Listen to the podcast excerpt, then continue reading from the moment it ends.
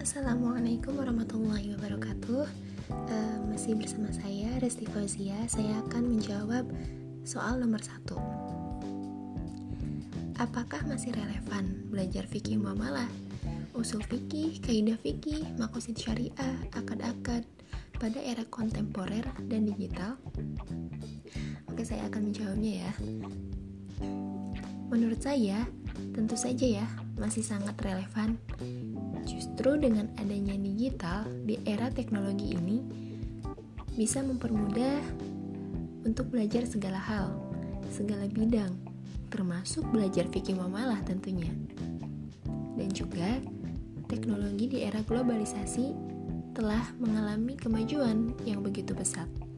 Berbagai macam media komunikasi bersaing dalam memberikan informasi tanpa batas.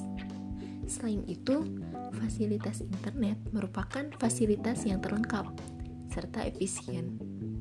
Jadi, sekarang kita bisa belajar fikih muamalah serta pembelajaran yang lainnya dengan menggunakan fasilitas digital ini. Bisa melalui internet, sosial media, dan sebagainya. Dan tentunya lebih bervariasi dan e, cara pembelajaran yang biasa menjadi lebih menarik.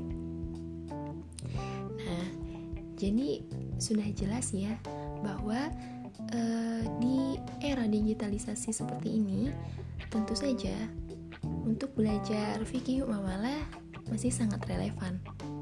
Bahkan bukan hanya belajar fikih muamalah saja, pembelajaran seperti bidang lainnya pun tentu masih sangat relevan. Sekian yang bisa saya jelaskan, kurang lebihnya mohon maaf. Uh, wassalamualaikum warahmatullahi wabarakatuh. thank you